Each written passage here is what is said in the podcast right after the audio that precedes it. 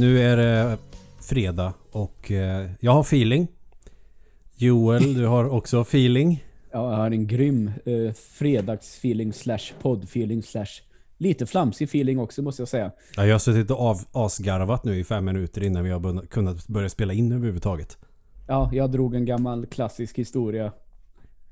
När jag hade varit från det att jag hade varit hos mormor och morfar en gång. Men av hänsyn till de an- inblandade så låter jag det stanna där. Det tycker jag låter klokt. Ja, visst är det så. Ha, hur har veckan varit då? Eh, veckan har varit eh, lång. Eh, ganska bra. Eh, det är jävligt skönt att det är helg igen. Eh, ja, jag har egentligen ingenting att säga om helgen. Mer än att det har ju hänt en del andra intressanta saker. Men det tänker jag, det sparar jag mer till poddmaterial. Tänker jag. Ja, det låter väl klokt. Japp. Men eh, bara för att få det avklarat, vi har haft nationella prov i veckan och det vet du ju vad det brukar innebära. Eh, det är samma sak som alltid, det blir lite körigt hit och dit med olika saker och olika tankar som folk har. Men nu är det klart i alla fall, vilket känns jävligt skönt.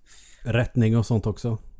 Ja, det är på måndag eh, som det är skriva. Eh, via Meet den här gången, för första gången, tror det eller ej. Spännande. ja, det ska nog gå bra. Men det tog sin lilla tid kan jag säga och eh, kopiera upp då alla elevers, uh, det de hade skrivit och eh, matriser och exempeltexter till sex personer som ska vara med och rätta. Så det, Ja, det är inte s- rättningen som är via Meet, inte provet som är via Meet. Ja, nej, rättningen är via mitt. Då är jag med. Ja, eh, vi hade faktiskt tanke på om man skulle kunna ha tala via Meet, men eh, så var det så många sådana här särskilda prövningar och de har inte login och då får de inte komma in i Meet på ett smidigt sätt och, och så vidare och så vidare. Så vi tänkte att eh, det blir ett projekt för eh, framtiden, för det kommer ju att bli digitala prov även på SFI nämligen. Så snart är vi ju där vare sig vi vill eller inte. Ja, det är perfekt. Visst är det? Ha, har du kikat på något eller spelat något roligt? Eh, jag vill faktiskt eh, passa på och eh, prata lite Star Wars så istället för att redan nu prata om vad jag har spelat den senaste kvällen. Ja, Mandalorian eller? Nej, inte Mandalorian, men Oj, oj, oj. vi kan väl börja prata så här att för ett par år sedan så var den här Star Wars-franchisen befann sig då. Då hade alla filmer kommit och eh, ganska många var upprörda och det kändes väl på ett sätt som att Star Wars befann sig längre ner än vad någon någonsin hade trott att den franchisen skulle befinna sig. Eh, och eh, Disney fick ju väl egentligen frågan vad ska ni göra nu? Och det intressanta då det är att de sa inte vi ska göra det här eller vi ska göra det här utan det blev knäpptyst. Eh, det kan ju vara ett tecken på att de kanske vet att det här blev inte varken som vi hade tänkt oss eller som publiken hade tänkt sig. Eh, men de höll tyst i alla fall och sen damp ju den här eh, Mandalorian ner och har på de här två, ett, två åren vänt franchisen fullständigt och nu är den egentligen högre rankat än på bra många år. Och väldigt många verkar ju vara av uppfattningen att det här är det bästa vi har fått från Star Wars på ja, sen 1984 mer eller mindre. Det är rätt bra betyg. Eh, Det är ett väldigt bra betyg och jag är beredd att hålla med faktiskt. Men eh, tror det eller ej då när man i måndags fick reda på att eh, Disney skulle presentera någonting under torsdagen. De skulle komma med ett par nyheter hette det. Och det är klart, eh, det fanns ju lite olika tankar kring det här, vad det skulle kunna vara. Är det någonting som har med Disney Plus att göra? Kommer det komma lite film dit direkt istället för till bio? Eller eh, kommer de presentera någon ny serie? Ja, frågorna var ju många och eh, mitt förslag var väl kanske att till exempel den här eh, kommande Marvel-filmerna till exempel. Jag skulle kunna tänka mig att de skulle skippa bio och att det skulle bli en sån, du kan köpa den och se den direkt på Disney+. Eh, Det blev inget sånt snack vad jag vet och eh, det blev heller inte en ny Star Wars-serie som kommer att komma inom de närmsta åren. Eh, Det blev så många som tio nya Star Wars-serier som ska, kommer att dimpa ner. Oh jävlar, 10? Ja, och nu heter alla de här någonting med Star Wars. Så jag läser bara upp själva huvudnamnet. Då är det Asoka. Ser fram emot det mycket. Väldigt bra karaktär. Uh, Visions. Ingen aning. Rangers of the New Republic. A Droid Story. The Bad Batch, som är en uppföljare till den här animerade Clone Wars. The Acolyte, Star Wars Andor, som är uh, handlar om en karaktär som är med i den här filmen Rogue One. Så får Lando en egen serie. Och det här tycker jag är lite coolt. Även Rogue Squadron eh, från spelen blir också Mhm. serie. Och då det som man egentligen redan visste om, men som eh, inte har bekräftats officiellt. Det blir en eh, Obi-Wan Kenobi-serie också. Ska den utspela sig mellan episod 3 och 4 då eller? Ja, precis. Och det intressanta här, det är väl att dels så får vi återigen se eh, Ewan McGregor som Obi-Wan, men också, och det här tyckte jag var en liten överraskning, också Hayden Christensen som Darth Vader. Men det kan nog bli jävligt spännande. Eh, ja, det tycker jag också. Jag vet många har varit lite så kritiska att eh, ni har ett helt universum att leka med. Och ni såg hur bra det gick att skapa en helt ny karaktär i Mandalorian. Varför ska ni börja feppla med Obi-Wan som är en sån omtyckt karaktär? Det är ett jävla risktagande. Men nu tror jag att även de som hade den åsikten att när det även blir Darth Vader med på ett spår så tror jag liksom att även de blev intresserade faktiskt. Men jag tror också att mycket blir bra av att det är Johan McGregor också. ja, i ärlighetens namn så fanns det ingen annan. Nej, det blir nog svårt. Han har ju ändå eh, fångat Alec Guinness ganska bra. Ja, absolut. Det har han gjort. Och nu blir det ju så, nu får man dels reda på vad Obi-Wan har för sig på Tatooine. Men nästan ännu mer intressant, det här finns ju ganska mycket serier eh, och böcker om vad Darth Vader går igenom under sina första år som Darth Vader. Och att- Sitter och drar i struten i en grotta någonstans. Ja, det hade man kunnat tro om man hade haft någon, tror jag. tror att den brann upp någonstans där på Mustafar. Ja, jag tänkte Obi-Wan också i och för sig. Ja, men han kanske har andra Ja, sätt ja. att eh, ha skoj på. Ja, Strypa exakt. folk till exempel. Men eh, att man nu får det till eh, en serie, eh, det kommer att bli väldigt, väldigt coolt, tycker jag. Men eh, det är ju nästan så jag blir sugen nu till och med. Annars brukar Star Wars-serier inte tilltala mig så mycket. Inte så spontant i alla fall. Ja, nej. Eh, förstår vad du menar. Jag har eh, känt att eh, har inte, hade inte tittat så mycket på serierna heller, men valde att titta på den som heter Rebels och tyckte att den var väldigt, väldigt bra. Eh, I hur den var animerad så var storyn väldigt, väldigt, väldigt tilltalande. Så eh, efter det har jag tittat lite på den här Clone Wars-serien också och kan inte säga annat att det, det är ju verkligen Star Wars och väldigt, väldigt välgjort. Och eh, den marknadsförs ju som en eh, a kids show så att säga, men att det ändå är väldigt, väldigt Uh, den är rätt mörk emellanåt också, så det blir liksom det blir liksom Uh, fan också, jag trodde att jag skulle klara det där. jag tappade tråden till slut ändå. Och för er som inte kan se, vilket ni inte kan, det är för att jag sitter och larvar mig lite i webbkameran. Förlåt! Jag kommer inte ens ihåg vad jag sa den senaste tiden. Men i alla, ja. Eh, det är inte ett barnprogram i den bemärkelsen att det känns som Teletubbies. Förstår du? Utan det är, de vågar ta ut svängarna ganska ordentligt ändå. Och, folk dör eh, på brutala vis. Till exempel. Så du kan alltså se lite stå- Nu finns det ju typ åtta säsonger med eh, Clone Wars, så det kanske är lite mycket att ta igen på ett bräde. Men eh, Rebels är ju bara tre säsonger, så den tycker jag att du kan kolla på. Den är bra. Mm. Det tåls att tänka på. Jag har ju en till i hushållet. Jag ska försöka få med mig på det också. Ja, precis. Det blir nog svårt. Mm. Men jag är ju Så- ensam hemma då och då så att... Ja.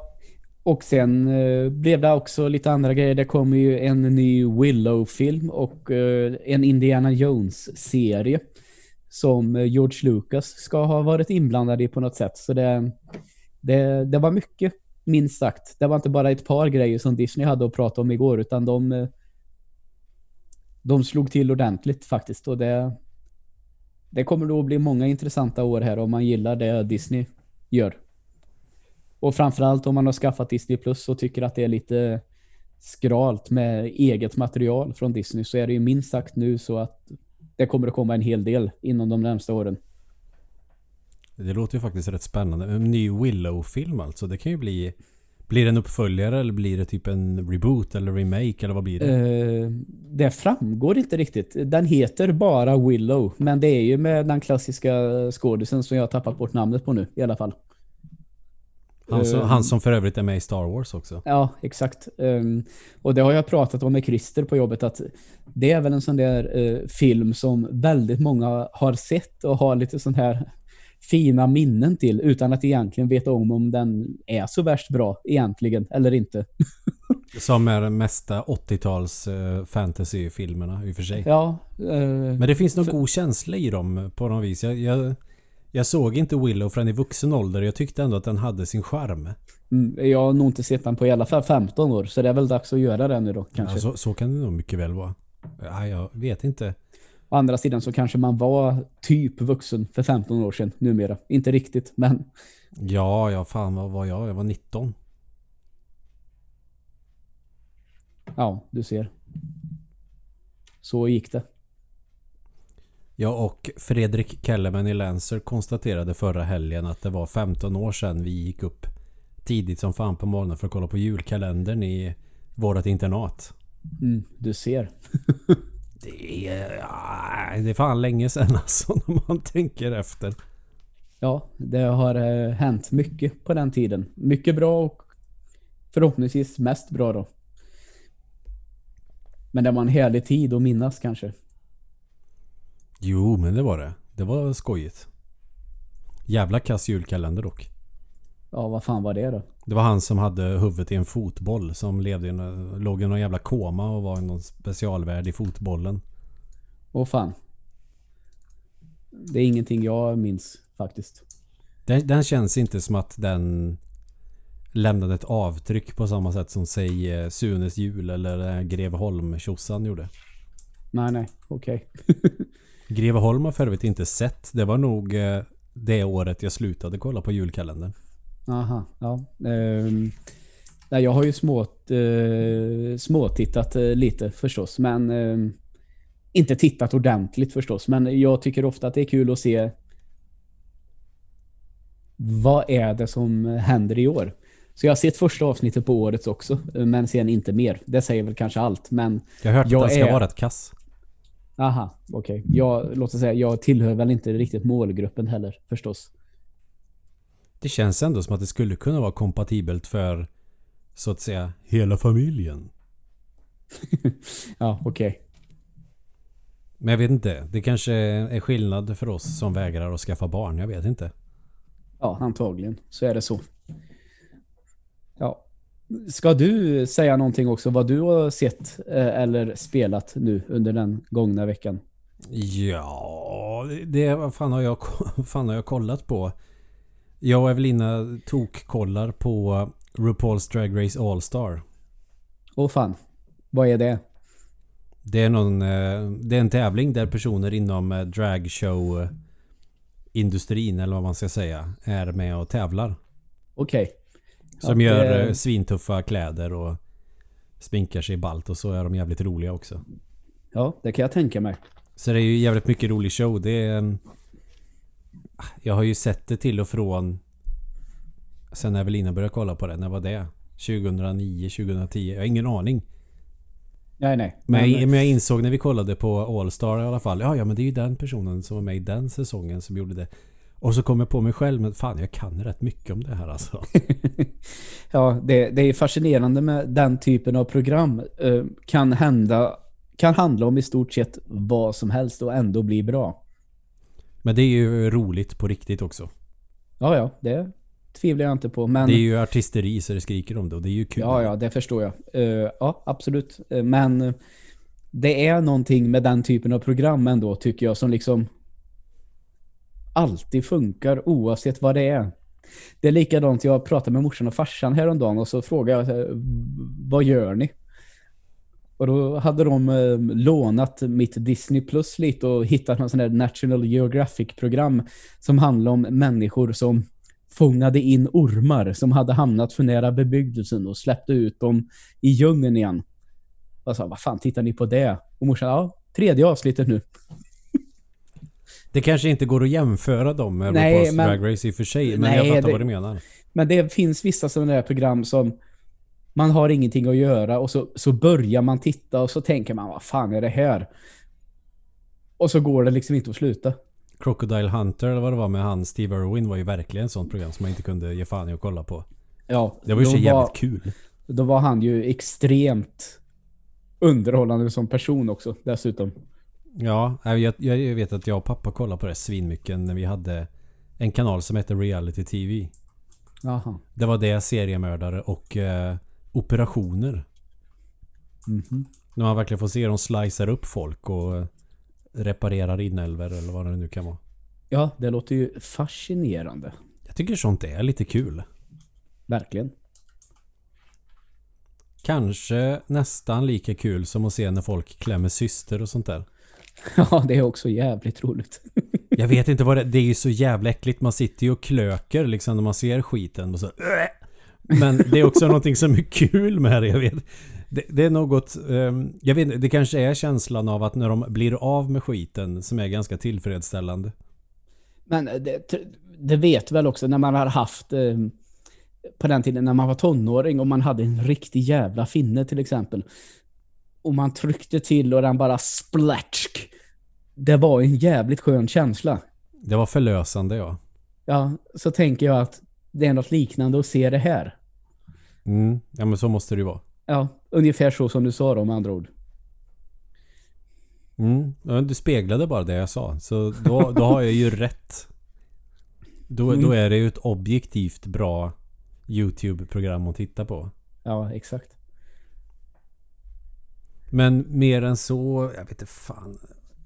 Uh, jo, jag körde det här Tokyo Xanadu.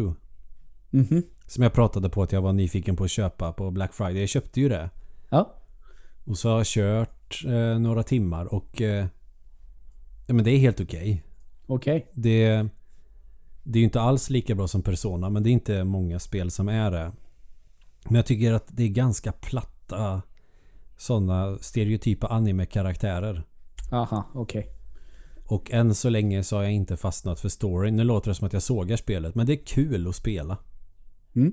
Dungeon crawler fast istället för att det är typ Final Fantasy-ish fighter som i Persona så är det mer eh, action-RPG. Ja. Eller det är action-RPG. Du springer runt och slåss.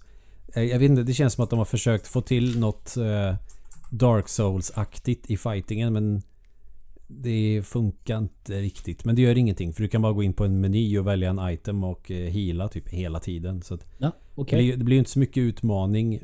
Så det blir ingen superbelöning av att spöa bossar. Men jag vet inte. Det är väl någonting som gör att man ändå drivs framåt. Det är kul. Ja. Det kan vara värt om man gillar det. Men jag skulle absolut aldrig någonsin betala fullpris för det. Så jag är glad Nej, att jag inte okay. gjorde. Ja, ja. Men eh, det är det Rio är till för också. Att man kan testa sånt som man är lite osäker på, tänker jag. Exakt, och det har vi ju pratat en del om. Mm. Så är det. Men du har ju köpt någonting nu för fullpris. Vi eh, sköt ju upp inspelningen just för att du skulle berätta om det här. Så nu tycker jag att vi ägnar avsnittet åt att få lyssna lite på vad du har för tankar om vad då? Ja, efter eh, många, många förseningar. Den senaste nu, senaste förseningen bara på en månad i och för sig. Men det var en jävligt lång månad. För man hade ju fått vänta så fruktansvärt jävla länge på att få sätta tänderna i det här spelet. Men nu har jag äntligen spelat ungefär fyra, kanske fem timmar Cyberpunk 2077. Märkte du nu att vi la upp det som att vi ska avslöja titeln? Ja, men eh, den kommer jag inte att gå på en gång till. Fast vi Fan. gjorde ju, gjorde ju det. Jo, jo, bara, jo, jo. Men nu Men du, vet ju- vad, vet, vad, vet vad jag gör Joel? Jag döper inte avsnittet till Cyberpunk 2077. Nej, gör inte det. Nej, gör inte det. Jag döper Men- avsnittet någonting i stil med att Joels längtan är över. Ja, gör så. För tänk att, ah, fan jag kommer, nu måste vi bara prata om den gången när jag i typ hundra avsnitt hade suttit och trott att vi kunde avslöja lite, med, lite spänning vad vi skulle prata om. Hade aldrig reflekterat över att du döper vartenda jävla avsnitt till precis det vi ska prata om. Så där skulle jag vara lite fyndig och sitta och dra på det lite som ett annat jävla miffo. Men den här gången var jag i alla fall fullt medveten om det. Det kan jag väl... Det är ju så jävla roligt. Jag vet, jag, jag tror Evelina påpekade det också att hon tycker att det är så himla roligt att när du väl kommer till insikt och liksom nästan känner dig förnärmad. Ja, ja fy fan vad irriterande det var. Jag tyckte det var hysteriskt roligt. Ja, det, det, det är ju roligt. Nästan lika roligt som det är något avsnitt som vi inleder med att typ hosta ihjäl oss för att vi har käkat med jävla Ghost Pepper popcornen. Ja, helvete vad hemskt det var. Och eh, vi sitter och typ halvdör och sen Det var tydligen kanelbullens dag då också. Så jag säger att det är bulledagen idag med Hela truten full i bulle också. Det är också sådär helt sjukt. Vad fan, vad fan tänkte vi när vi spelade in det där? Ja, men vi hade väl inte trott att det skulle bli så. För jag, det var ju så jävla märkligt med de där jävla popcornen. För de, de var ju inte hysteriskt starka att äta. Men det låg ju något sånt här jävla chilipulver i hela jävla luften i lägenheten. Så man kunde ju dra ner det i lungorna lite då och då. Så man trodde ju att det var över, men så råkade man andas och få in någonting i käften. Ja, fan vad hemskt det var. Ja, det var spännande. Det och att vi tryckte i oss kanelbulle. Sen var det väl någon mer sån här konstiga introduktioner vi har haft till avsnitt som också är... Ah, vi kanske borde flamsa mer så. Ja, vi, vi har ju absolut eh, Ecuador när vi... Man skulle kunna tro att vi är dyngraka när vi spelar in det, men det var vi ju inte. Vi hade ju precis knäckt en bärs och så började vi asgarva åt den där jävla låten. Jag vet inte ens vad det var som var så kul. Det var väl bara att situationen blev så absurd. Ja, men låten är ju så jävla märklig. Men ska vi... Men vi, vi- måste komma tillbaks till ämnet nu. Ja, eh, Cyberpunk. Man kan säga att ehm, eh, s- CD Projekt Red har ju under ganska många år nu haft Witcher och andra spel i det här Witcher-universumet som är eh, det är ju böcker från en polsk författare. Har ju nu lämnat och gått vidare till det här med Cyberpunk och det är, det är ingenting som de har kommit på själva heller utan det är istället ett ganska gammalt sån här penna och papper-rollspel som man kunde ägna sig åt på 90-talet typ. Är det Shadowrun alltså? Förlåt? Är det baserat på Shadowrun? Det vet jag inte. Då är det nog inte det. Nej, för alltså, jag bara vet att det är ett rollspel som man kunde spela med penna och papper. Sen eh, Shadowrun, eh, det vet jag inte. Men Cyberpunk är ju ett rollspel sedan tidigare, liksom. För det var typ det första jag tänkte på när jag såg första trailern till eh, Cyberpunk och om man läste lite om vad det skulle vara för någonting. Så vet jag att jag fick Shadowrun-vibbar så det skrek om det. Och jag hade Ja. egentligen tänkt att fråga dig om det liknar Shadowrun ifall du känner igen till exempel de tidigare spelen till Super Nintendo och Sega. Ja, nej, det, det gör jag ju inte eh, tyvärr. Så Har du någon inställning på din webbkamera så du blir grön förresten då och då? nej, det ska jag inte ha. Allting bara funkar för oss idag känner jag. Ja, fortsätt. Ja, eh, ja eh, men eh, det är ett gammalt, gammalt rollspel från 90-talet i alla fall. Ehm, Mm. Som eh, tror jag faktiskt har figurerat i spelvärlden ett par gånger tidigare. Men med olika årtal då istället. Men nu är det dags för 2077-versionen och CD Projekt Red. Och eh, ja, vart ska man börja? Det finns ju en hel del att prata om naturligtvis. Men man kan väl konstatera att eh, när de gick över till FBS istället för eh, tredje person som eh, tanken var, eh, som Witcher-spelen har varit hela tiden, så var det många som kanske var lite oroliga. Kommer det bli kommer det bli ett Deus Ex? Alltså kommer det vara eh, först och främst ett full first person shooter-spel? Eller Ja. kommer det fortfarande finnas rollspelselement i det här? Och det kan man väl lätt konstatera att det här är ett rollspel. Det är inget action-FPS för fem öre egentligen, utan det allting som du kan tänka dig finns i ett rollspel. Det finns även här. Så det är inte som eh, Fallout-spelen på det sättet? Oh shit, alltså nu har jag inte jag spelat eh, varken Fallout 3 eller 4 speciellt mycket, men eh, vad, vad, vad tycker du kännetecknar Fallout-spelen då? Eh, allra mest de senare, som gör att du säger så nu? Karaktärsbyggandet tycker jag nog är väldigt, väldigt kännetecknande. Mm. Kanske inte så, ja, lite mer i ettan och tvåan då än trean och fyran.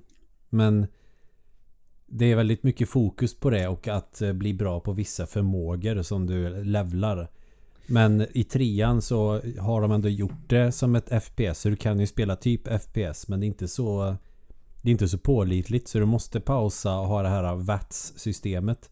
Och välja att om jag ska skjuta på huvudet och så sköts allt det där egentligen automatiskt. Ja, nej, något sånt har jag inte stött på än så länge, men det bör väl påpekas också att jag, jag tror faktiskt att jag fortfarande är något form av introläge i det här spelet, trots att jag har spelat ungefär fem timmar, för det känns som världen har ännu inte riktigt liksom öppnat upp sig fullt ut, utan man är, vissa områden av staden är under lockdown än så länge. Så jag kan liksom inte åka riktigt, riktigt helt fritt än. Men det är fortfarande väldigt, väldigt stor yta att göra vad jag vill på ändå. Eh, men jag hade i alla fall skapat eh, min karaktär och då får man ju precis som i väldigt många andra rollspel eh, välja lite vad man vill lägga ut sina attributes på. Och då är det ju sådana här klassiska som intelligence, body eller cybertech till exempel. Så det finns ju, men det är väl någonting som man nästan, det förväntar man väl sig av ett rollspel. Det är väl någonting som finns i, i stort sett alla rollspel. Av Ja. den här eh, västerländska skolan i alla fall. Ja, i allra högsta grad. Och sen eh, har man ju lite olika val. Eh, det märks tydligt att jag kommer kunna spela det här eh, på mitt sätt. För dels så kan du välja ja, att lägga på att du vill ha en riktigt, riktigt stark karaktär. Så då kan du bygga på styrka. Sen kan du även gå in under styrka och välja vissa speciella förmågor som passar till styrka. Det kan väl handla om till exempel bli Uh, inte ramla omkull om någon tacklar dig eller kunna tackla fiender extra hårt till exempel. Det finns lite olika sådana där varianter. Sen dessutom utöver detta så kan du ju i din kropp installera olika chip där du får olika specialförmågor. Så säga, jag har faktiskt inte riktigt hunnit sätta mig in i det här ordentligt. Men det skulle kunna handla om till exempel att om du hittar ett speciellt vapen så kan du installera ett chip och då kan du ha målsökande kulor till exempel. Då är, kommer min nästa fråga. Hur Ja. skiljer sig det här från Deus Ex 3 och 4? Eh, ja, eh, det finns ju...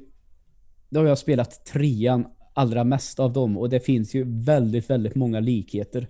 Särskilt i den här världen som de har byggt ut där de här implantaten är en så stor del. För det var ju väldigt slående i det tredje spelet tycker jag. Det här Human Revolution heter det va? Mm, precis, det är det som ska leda till eh, ettan om man säger, storyn i ettan. Ja, och eh, det finns ju en hel del likheter. Eh, även i allting från... Jag kan tycka att Human Revolution ska inte säga att det var stelt att spela, men alltså din karaktär kändes ganska tung. Jo, men det kan jag nog hålla med om. Och det kanske är lite så i det här också. Om man jämför med Doom Eternal som jag hade spelat. Det, liksom, det var väldigt lätt att springa rätt in med en hagelbrakare och bara meja ner hela rummet. Gör du det i det här spelet, då kommer du att dö.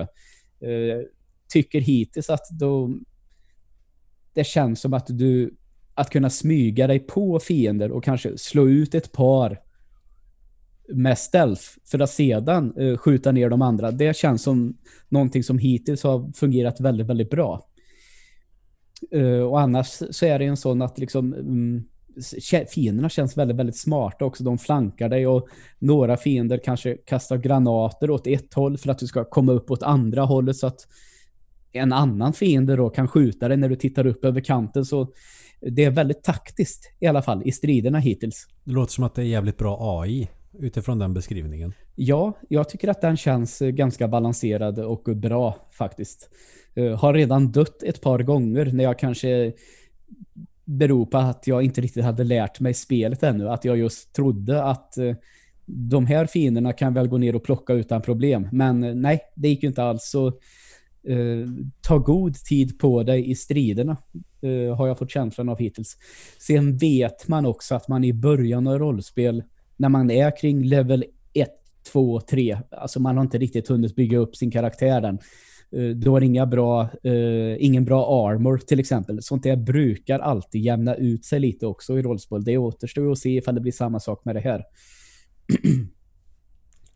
uh, men annars så det som jag tycker har varit allra, allra bäst hittills det är ju um, jag vill inte kalla det, men det är när man pratar med karaktärer och får lite bakgrundsstory till hur den här världen egentligen fungerar.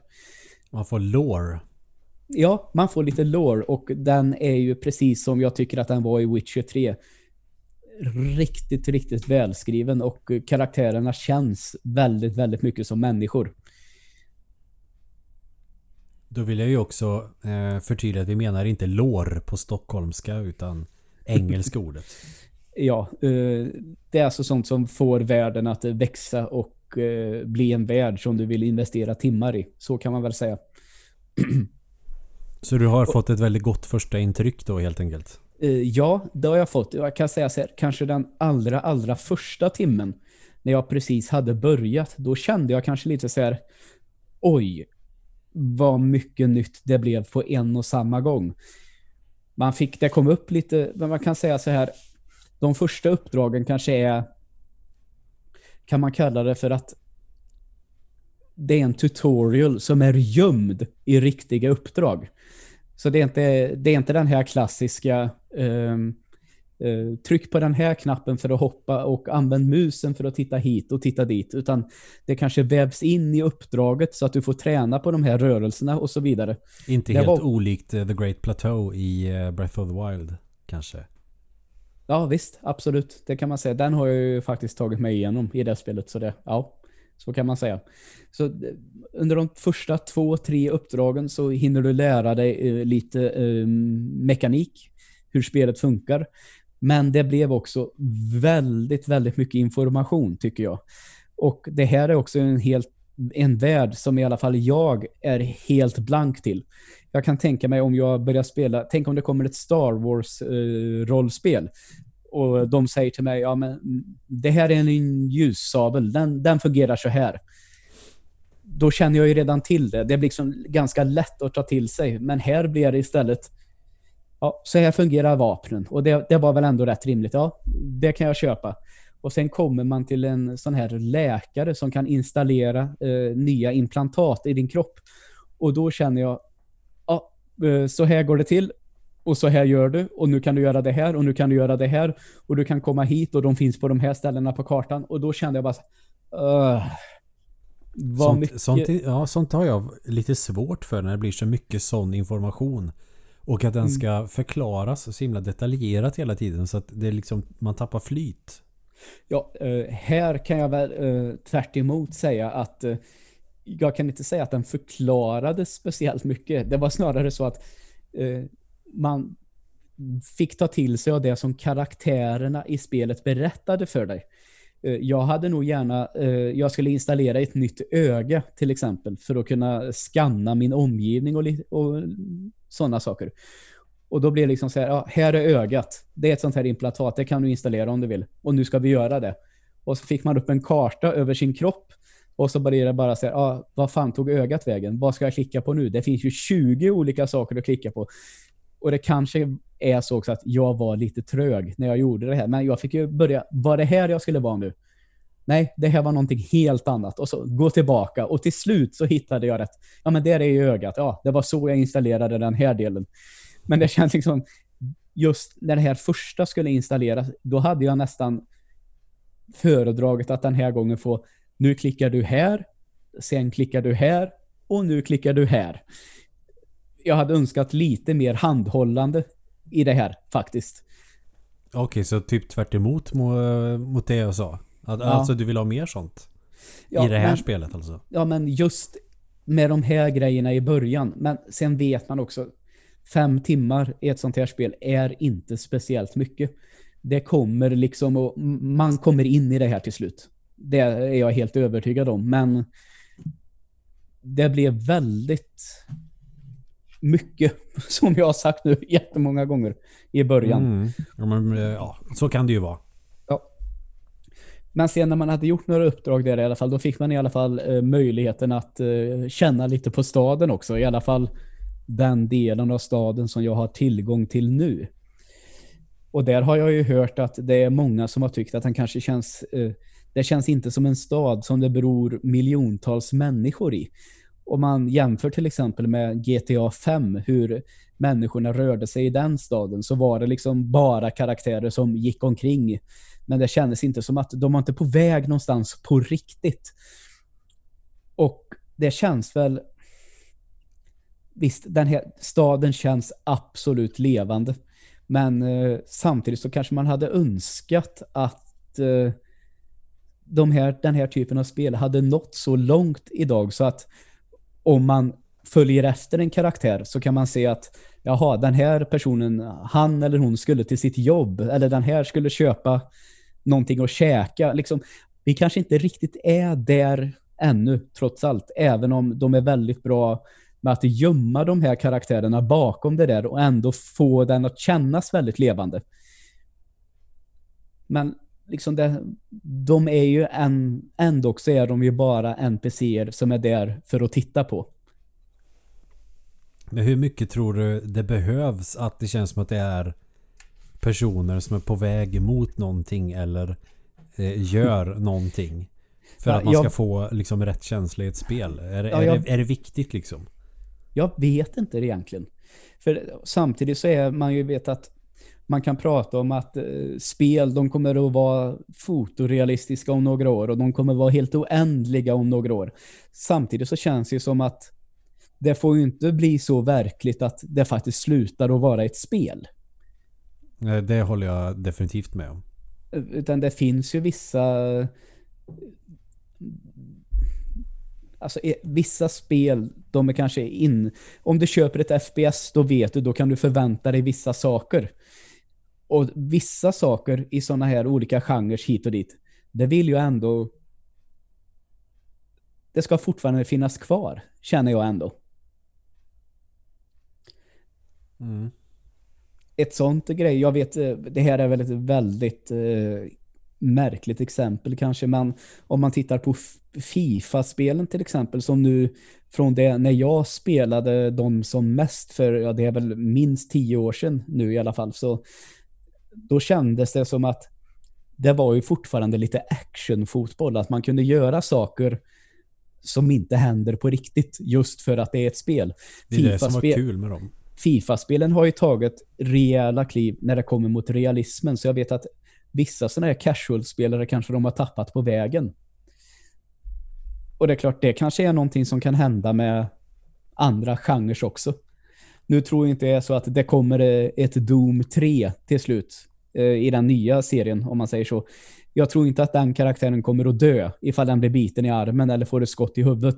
Eller att du måste veta hur du hanterar ett vapen på riktigt för att kunna göra det i spelet. Ja, nej, exakt. Nej, men vissa saker ska ju bara sitta. Men det är klart att eh, om man har besökt en riktig storstad, det räcker ju bara att komma till Drottninggatan i Stockholm. Det är klart att det hade varit det hade varit eh, häftigt med ett GTA där det verkligen var så mycket folk som rörde sig. Och det känns som att de har en plan i sitt rörelse och inte bara går gatan upp och ner. Fatta vad mycket kod man ska skriva för en sån grej. Ja. Eh, då får man ju ha någon form av algoritm som kanske löser det där att man skriver en algoritm som sen slumpas ut bland tusentals, miljontals kanske karaktärer och så vidare. Mm. Däremot så eh, en sån sak som gör att staden känns levande det är att eh, det finns ganska många olika typer av människor. De har lite olika kläder, olika frisyrer och sånt.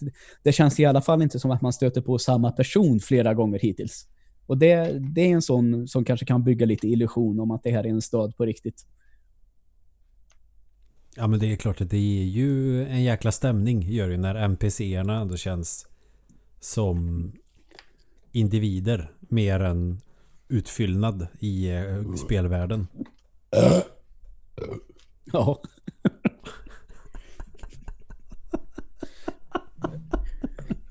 Förlåt, jag tog lite cola här bara. Ja, vi, vi brukar ju ge sånt seriöst intryck så nu får vi ju skämmas. Vi har ju aldrig gjort någonting korkat förut i den här podden. Mm. Som att rapa eller skratta åt fula ord eller Ja, sagt exakt. korkade saker. Ja. Eh, sen bör det ju eh, tilläggas också en sån här...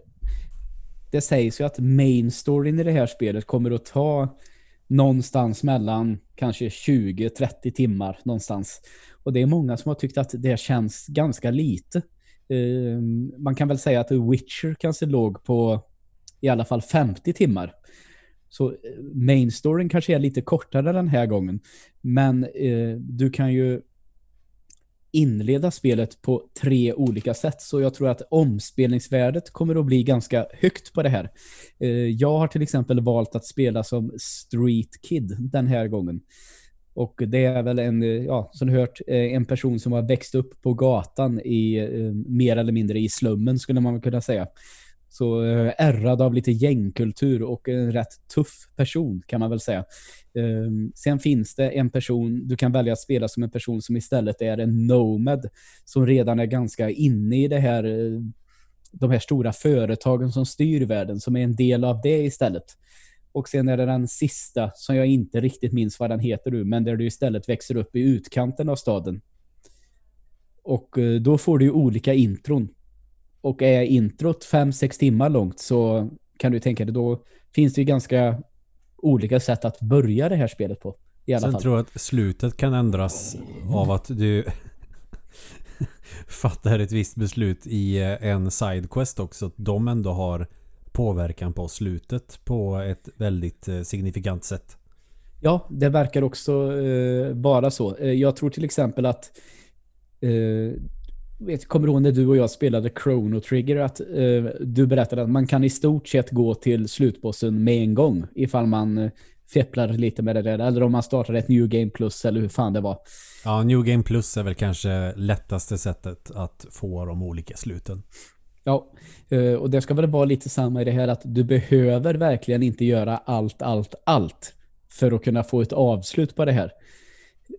Så eh, hur många slut det ska finnas på Cyberpunk, det vet jag inte än heller, men flera olika i alla fall.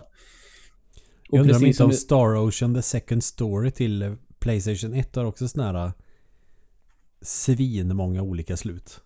Mm.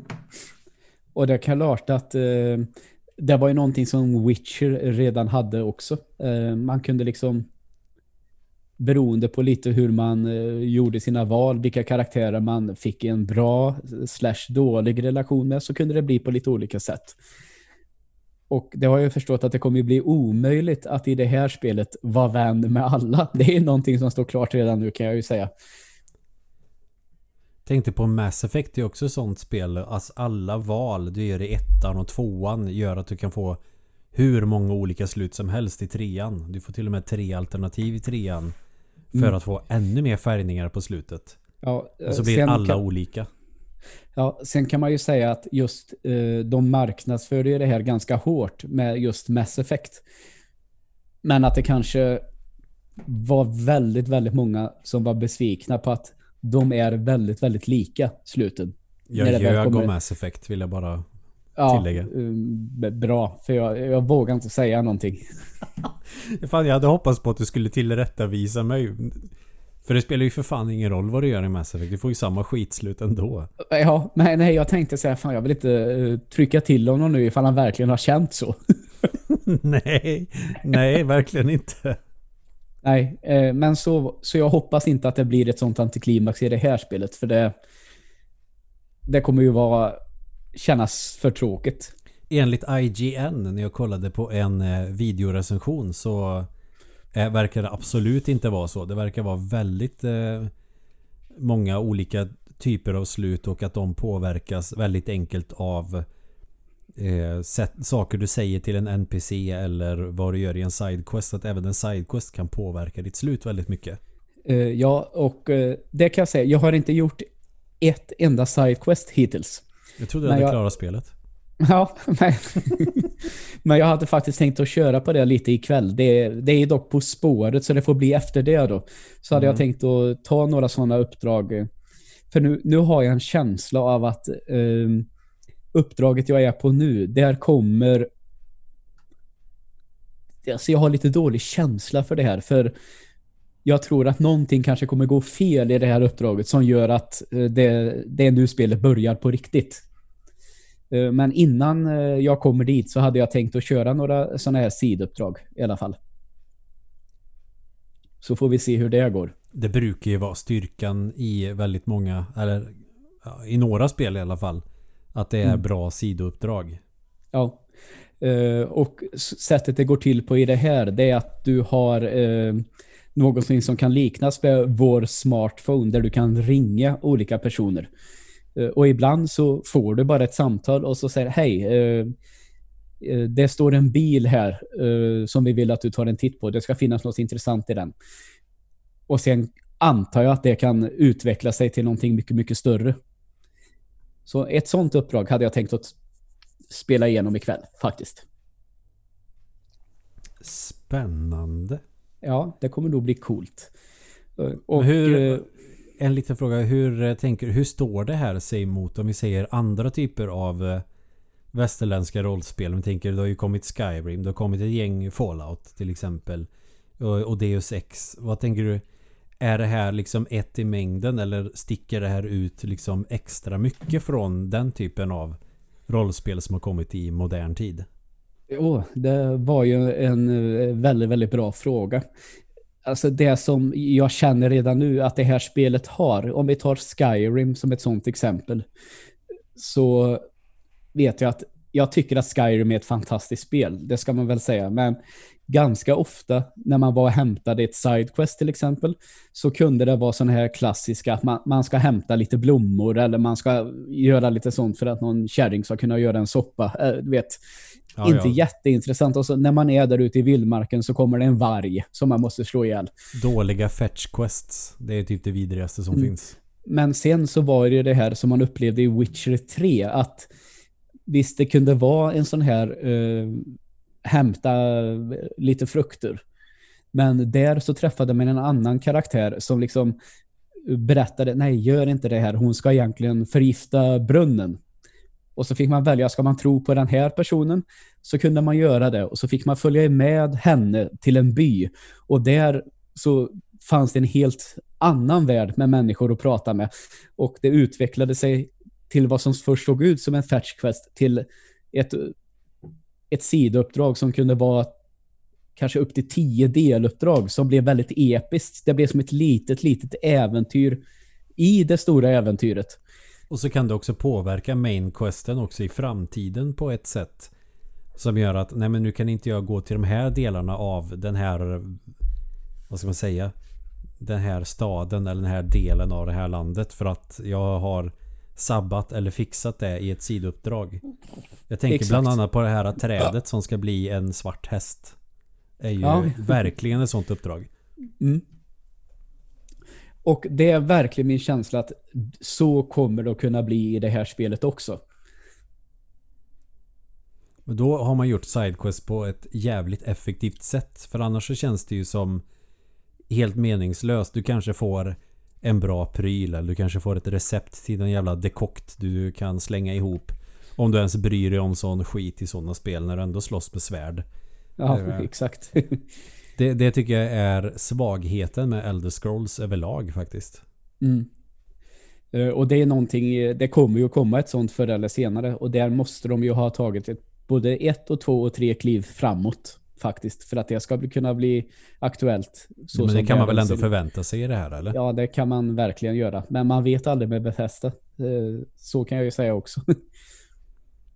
Mm. Nej, ja, det, så är det det, uppdragen och hur de kommer kunna påverka både din karaktär och karaktärer runt om dig känns ju väldigt inspirerat från Witcher 3. Även om det är ett väldigt skilt spel. Det är inte alls den här fantasyvärlden förstås, utan det här är ju vår värld in i framtiden. Underbart ändå. Ja. Och sen kan man väl prata vidare lite om det här att uh, det var i ett uppdrag så jag har fått en sån här uh, som sa att jag har spelat så pass lite, inte gjort några sidequests. Hur, hur kan jag veta det här? Jo, det är så att jag har stött på en uh, jag tror att det kallas för gigs i det här spelet som liksom är jobb man kan utföra så får man lära känna olika personer som kan ge dig gig att utföra. Och då har jag träffat en karaktär som heter Dex och eh, det är väl en sån här riktig storkriminell kan man säga. Så får man kontakt med honom då ska man kunna bli en stjärna i den undre världen. Så har han väl beskrivits ungefär. Och fick jag uppdrag av honom att prata med en kvinna som skulle hjälpa mig att utföra eh, en heist sen. Och då fick jag erbjudande av henne att ska vi blåsa den här personen istället? Och då valde jag att svara nej på det. Och det är klart, det känns ju som att det där kommer ju att bita en i arslet. Förr eller senare, på ett eller annat sätt. Att man tackar nej till det erbjudandet.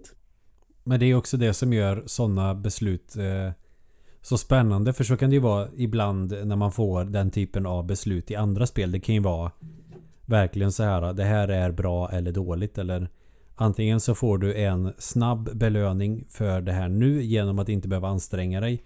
Eller så anstränger du dig lite till och så får du lite mer i slutändan. Det brukar ju oftast vara den typen av konsekvenser. Men om vi tar som eh, The Witcher till exempel. Ja. Så spelar det ingen roll. Alltså om du väljer att eh, vi säger eh, låta trädet bli en häst eller inte. Eller hela den här grejen med han baronen till exempel. När man ska leta Aha. upp hans dotter och fru var ju också sådär. Så brukar jag ibland säga att nu får jag nästan kolla på nätet vilket som är det bästa beslutet. För nu kan jag fan inte... Jag kan, jag, jag, nej, det här är svårt att få liksom bestämma själv. Ja. Och så bara, nej men det ena är varken bättre eller sämre. Det beror ju på vad du tycker är rätt. Mm. För annars så känns det ju så uppenbart vad som är fel beslut eller bra beslut. Vad, vad gör det god eller vad gör det ond som i Fable eller vad fan som helst. Men i The Witcher så är det ju verkligen att ja, men det är helt upp till dig hur du vill att världen ska se ut. Kan du ta konsekvenserna eller kan du inte ta konsekvenserna? Det spelar ingen roll vad du tar. Något av de här besluten kommer att ha konsekvenser. Och eh, inget beslut kanske ens är bra. Nej, just det. Så är det. ja, men eh, här känns det ju verkligen som eh, ja, det ska bli intressant att se vad det blir av nästa uppdrag här nu. För jag har lite känsla av att det, det kommer vara ett uppdrag som egentligen kickstartar hela spelet på riktigt. Och jag kan också påpeka att Keanu Reeves är med i spelet. Det är ingen som jag har stött på än så länge i alla fall. Och han känns ju som en central... Att han har en central karaktär genom hela spelet. Ja, så är det. Men det är just därför jag tror att jag känner att jag fortfarande spelar introt. Så. Tänk om du har tagit dig typ 75% av hela spelet. Ja, det hade varit lite surt faktiskt. Så känns det när man spelar Fable för övrigt. Ja, ja okej. Okay.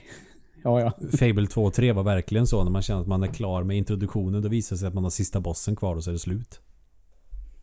Mm. Även om spelen är väldigt bra. Men huvudstoryn känns verkligen så. Mm. ja, och så tror jag inte att det här kommer att bli. Faktiskt. Nej, det är ingen som har eh, påpekat eller kommenterat något sånt tidigare så att det kan ju inte vara så. Nej, men någonting som folk faktiskt har påpekat är att det ska vara ganska buggigt. Det har ju man kunnat läsa i ganska många recensioner. Uh, nu har jag ju fått en sån här dag 1-patch som inte recensenterna har använt och har inte stött på några buggar som har känts förstörande än så länge. Det har hänt två saker. Ehm, det är så här att på kartan så kan du ha lite sådana här blå symboler som är att eh, här uppehåller sig antagligen ett gäng som polisen letar efter. Hjälp polisen att lösa det här brottet. Och då testade jag att köra en sån grej. Och då var det en fiende som syntes på kartan och som sköt mot mig, men jag kunde inte se karaktären. Mm. Så den var liksom eh, osynlig och inte i den bemärkelsen att han hade använt eh, någon förmåga för att bli osynlig, utan det var ju den hade buggat ur, just den fienden i alla fall. Så då fick jag springa därifrån och gå tillbaka lite senare och då fanns den där. Men med tanke på att spelet är så stort och det finns så mycket som kan påverka andra saker. Alltså, det finns ju så himla många förgreningar av en story. Alltså, tänk dig de som har gjort storyboarden till det här spelet. Ja. Det måste ju vara svin mycket som man har fått göra. Det är klart som fan att det blir många sådana game-breaking buggar. Ja, och sen en annan grej. Det var, eh, jag spelade ett uppdrag och då hade jag en vän med mig som heter Jackie. Och han ska väl också vara en sån där... Det är en karaktär som jag tror de flesta stöter på i någon form förr eller senare. Sen är jag inte helt hundra. Det känns ju som att jag och han är ju nu typ bästa polare. Och det tror jag att jag är för att jag spelar... ursäkta, spelar Street Kid. Om man spelar någon annan karaktärs intro så får man nog någon annan bästa kompis. Men jag har nu Jackie och han var med mig på ett uppdrag. Och då hade vi precis eh, rensat ett rum på fiender. Och så såg jag att nu ska jag klättra upp för stegen som är här. Men det finns ett rum till som jag vill kontrollera först innan jag går vidare. Och då stod han i vägen och vägrade flytta på sig. Så då fick jag springa, springa upp för stegen, öppna dörren. Och då gick han därifrån. Och då kunde jag springa ner igen och gå in i det här rummet. Och där inne låg det ett Epic-vapen. Så det var jag ju glad att jag gjorde i alla fall. Men det är också sånt där, det är ju lite frustrerande att det blev så. Men när du säger Epic-vapen, är det mycket loot i det här? Eller är det bara att det finns eh, schyssta grejer? Eh, jag skulle säga att det är extremt många olika saker att plocka upp. Och det kan vara allting från olika material som till exempel sådana här ja, olika kablar eller olika metaller och så vidare eller olika chip som kan användas. Det, det bara öser över en tycker jag hittills. Och då kan det till exempel vara, det finns ett crafting-system som jag inte har kunnat använda hittills. Och, för det står bara blockt. Och då kan det vara, då kanske jag behöver 10 av det här materialet och 10 av det här materialet. Ungefär tänk det som ett rollspel att man kanske samlar på sig iron eller eh, gold eller något sånt där. Så heter det lite andra saker här. Så kan du till exempel eh, crafta dig en ny katana till exempel. Mm, mm. Men du kan även plocka upp färdiga vapen som du hittar. Och det, jag hittade en pistol igår som var lite bättre än den jag hade. Men är de graderade liksom i unik eller rare och sådana här grejer eller? Ja, eh, jag tror att är det common, uncommon, epic, rare och uh, rare, epic och legendary gissar jag. Okej. Okay. Mm. Så det är en sån klassisk som känns igen från ganska mycket uh, typ olika Diablo. spel. Ja, exakt. Men sånt kan vara kul tycker jag. Och så är de ju då vita, gröna, blå, lila. Och nu har jag inte hittat någonting som ska vara legendary än, men gul gissar jag. För det känns ju ändå mer åt eh, snabba spel att ha sådana, om du förstår vad jag menar, som Borderlands och Diablo till exempel. Mm. De, de är ju inte så djupa på det sättet. Uh, nej, och uh, det återstår väl lite att se fortfarande, men här tror jag liksom att um, det viktiga här, det är väl att du kan hitta ett vapen som passar dig och sen är det sådana här cybernetics du ska installera för att verkligen kunna utnyttja alla vapen till fullt. För låt oss säga att jag kan ju hitta ett legendary-vapen med studsande kulor, men då behöver jag också det chippet installerat i kroppen för att få det att fungera. Så det är den delen också. Så att hitta Lite som att din... man måste lära sig det för att kunna utnyttja det. Ja, fast eh, det handlar om att lära sig att gå till en doktor då och få ett chip intryckt i skallen istället. Mm, spännande. Ja. Så det, det känns som att du kommer kunna hitta din spelstil eh, väldigt bra. Så det är klart, vill du spela stealth så får du väl satsa på chip som kanske gör dig tyst eller gör att du inte syns i kameror till exempel och sånt där. Kunskap a priori.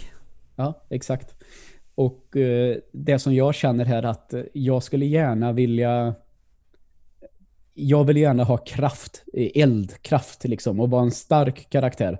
Mm. Men samtidigt så har jag sett att eh, eh, den katanan jag har till exempel, om man tittar på hur mycket skador de gör så tror jag pistolen som jag här gör, ah, pistolen som jag har hittat den tror jag ger 84 DPS nu.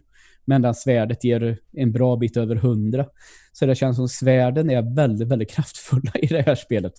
Så det får man se om man kanske ändå ska vara lite bra på närstrid, trots allt. Fick mig verkligen att tänka på första Deus Ex när man får det här supersvärdet när man är i Hongkong där första gången. Ja, just det. Det, ja, det säger det är rätt. det har du rätt i. Helvete vad bra spel det är. Ja, det första kallades väl för Half-Life-dödare på ett sätt och det kan man ju i och för sig förstå. Även om de inte är riktigt är samma genre förstås. Men jag kommer ihåg att det, det stod i någon sån här recension och på baksidan av, eh, eh, av eh, fodralet att det skulle vara bättre än Half-Life. Tycker att det är väldigt stor skillnad på ja, dem. det tycker verkligen jag också. Så det... Sen tycker jag nog att Deus Ex har åldrats Ah shit, nu svär jag i kyrkan när jag säger att det har åldrats bättre. Men Half-Life jämfört med andra FPS i samma genre idag. Eh, Half-Life har ju inte det flytet på samma sätt utan du måste ju... Det är ju trial and error så det skriker om det i Half-Life. Men Deus Ex är ju också väldigt anpassat för sin tid. Det är ändå 20 år gammalt. Eh, att det, du kan anpassa spelet efter hur du föredrar att spela. Ja, precis. 20 år. Riktigt så är det ju inte med Half-Life som är typ 22 år gammalt. Nej, precis. Fy fan. Det är ju, det är ju ett helt liv. Ja, faktiskt. Ja, ett, ett år kan vara ett helt liv också om vi pratar småbarn, men ett helt... Eh, jag kan inte värdera det här för då framstår jag ju som ett, ett, ett, helt drägligt liv helt enkelt. 22 år, då har man väl ändå levt. Det har man fan inte när man är ett år. ja, nej. 22 ehm, år är ju vuxen trots allt. Så det är klart att man Ett har vuxet levt. liv. Var det jag ville säga. Ja. ja. Drägligt liv, ja. Ja, man kan ju för sig ha ett pissliv när man är 22. Oj. Ja men man kan ju det. Jag lägger ingen värdering i det. Jag säger bara att det kan vara så. Ja, det är bara det. Jag Om man är uppvuxen så... i slummen till exempel som din karaktär i Cyberpunk. Ja, nej men jag bara, jag bara såg någonting framför mig. En, en 22-åring som ensam konstaterar att jag har ett riktigt skitliv. Och så garvar vi åt det. Ja, det är ju jättehemskt. Och lite kul. Ja, verkligen. För det är rent hypotetiskt. Mm, så är det ju. Ja, men vad, vad säger jag? Är det någonting mer som du har lagt märke till i det här spelet som du känner att du vill ta upp eller? Nej, det tror jag faktiskt inte. Jo, en sak. Eh, bilkörning. Ja, just också... det, det är ju sånt också. Ja, just det. Eh, där fick jag faktiskt pilla en hel del med inställningar. För jag tycker att eh, jag ville helst se bilen liksom utanför. Inte sitta inne i bilen när jag kör. Och jävlar vad känslig kameran blev då när man liksom ska eh, med musen dra runt och titta runt sin bil till exempel. Då blir det riktigt så här sladdrigt och väldigt svårstyrt hittills tänker jag. Men det hoppas jag verkligen att man kommer in i lite det är väldigt arkadig bilkörning i alla fall. Uh, och det kanske kan vara lite irriterande på ett sätt. När man, när man har kört bil själv så vet man ju att om jag kör i 30 km i timmen och har fullt utslag på ratten så kan jag ta en sån här sväng utan problem. Men i det här liksom, det händer ingenting och man far in i lite fotgängare på andra sidan istället. Så men det där får man väl försöka lära sig att anpassa sin körning efter. Men jag hade hoppats att det kanske var lite mer responsiv, bilkörningen. För den känns lite styltig faktiskt. Och inte alls på ett sätt som jag vill minnas att till exempel GTA 5 var, där bilarna var väldigt lätta att manövrera på ett snyggt sätt. Så känns det lite segare här. Men vi får se, det kan ju vara att jag inte har fått tag på en riktigt het bil än heller kanske. Är det så att man måste levla bilkörning och sånt i det här? Nej, det är ingenting jag har eh, lagt märke till alls i så fall. Utan det är nog att du, du kan köra bil level 100 redan, om man säger så. Det var en sån sak som jag avskydde med GTA San Andreas. Att det var pisskontroller fram till det att du hade levlat att kunna, inte fan vet jag, cykla eller köra bil tillräckligt mycket. Det är helt orimligt. Ja. oh. Och att första uppdraget är att sno en cykel och så ska du följa efter dina polare som fintar dig hela tiden. Ja, fy fan. Ja, vi ska, vi ska cykla åt det här hållet och så fintar de en som fan. Mm. Och så svänger de höger, sen vänster och sen höger och sen vänster igen. Men det är inget sånt i det här spelet då att du måste levla någon form av fordonsföring eller förande. Nej, det tror jag inte. Det är ju ett stort plus i sådana fall för sånt är ju riktigt rövigt. Ja. Ha Das Sack Zubinden. Ja, eh, absolut. Knyta ihop säcken. Der Sack zusammenbinden. Oh, der Sack zusammenbinden, ja. Sollen wir das, eh, nej, sollen wir der Sack zusammenbinden? Ja, Sollen vi der Sack Zubinden, eller hur var det? Ja, exakt. Det är nästan som man kan börja lära sig det där utan till snart. Vi har ju Ja. fuskat med Google Translate. För Google Translate är ju ändå... Det det är ju ändå en viss ackuratess där. Mm, så är det. Och man säger ju så i Tyskland. Ja, det gör man. Det kommer från Tyskland det uttrycket tror jag. Ja, jag tror det. Och sen Mm. så utvecklades det i Sverige och sen så har det ju i och med eh, Hansan eh, tiden där Ja, så har det också utvecklats ytterligare och tillbaks till Tyskland. Så att eh, ja, det är jättemycket där som har samverkat så att det har blivit det här uttrycket som är internationellt. ja absolut. Ja, Ska vi försöka avsluta det här någon gång Ja. innan, innan det här ballar ur fullkomligt? ja det ska vi göra. Hör gärna av er på Facebook, där är det lättast. Där ser vi snabbast. Och eh, tack så mycket för att ni har lyssnat på lite cyberpunk-snack. Tusen tack ska ni ha. Hej då! Tre gånger. Hej!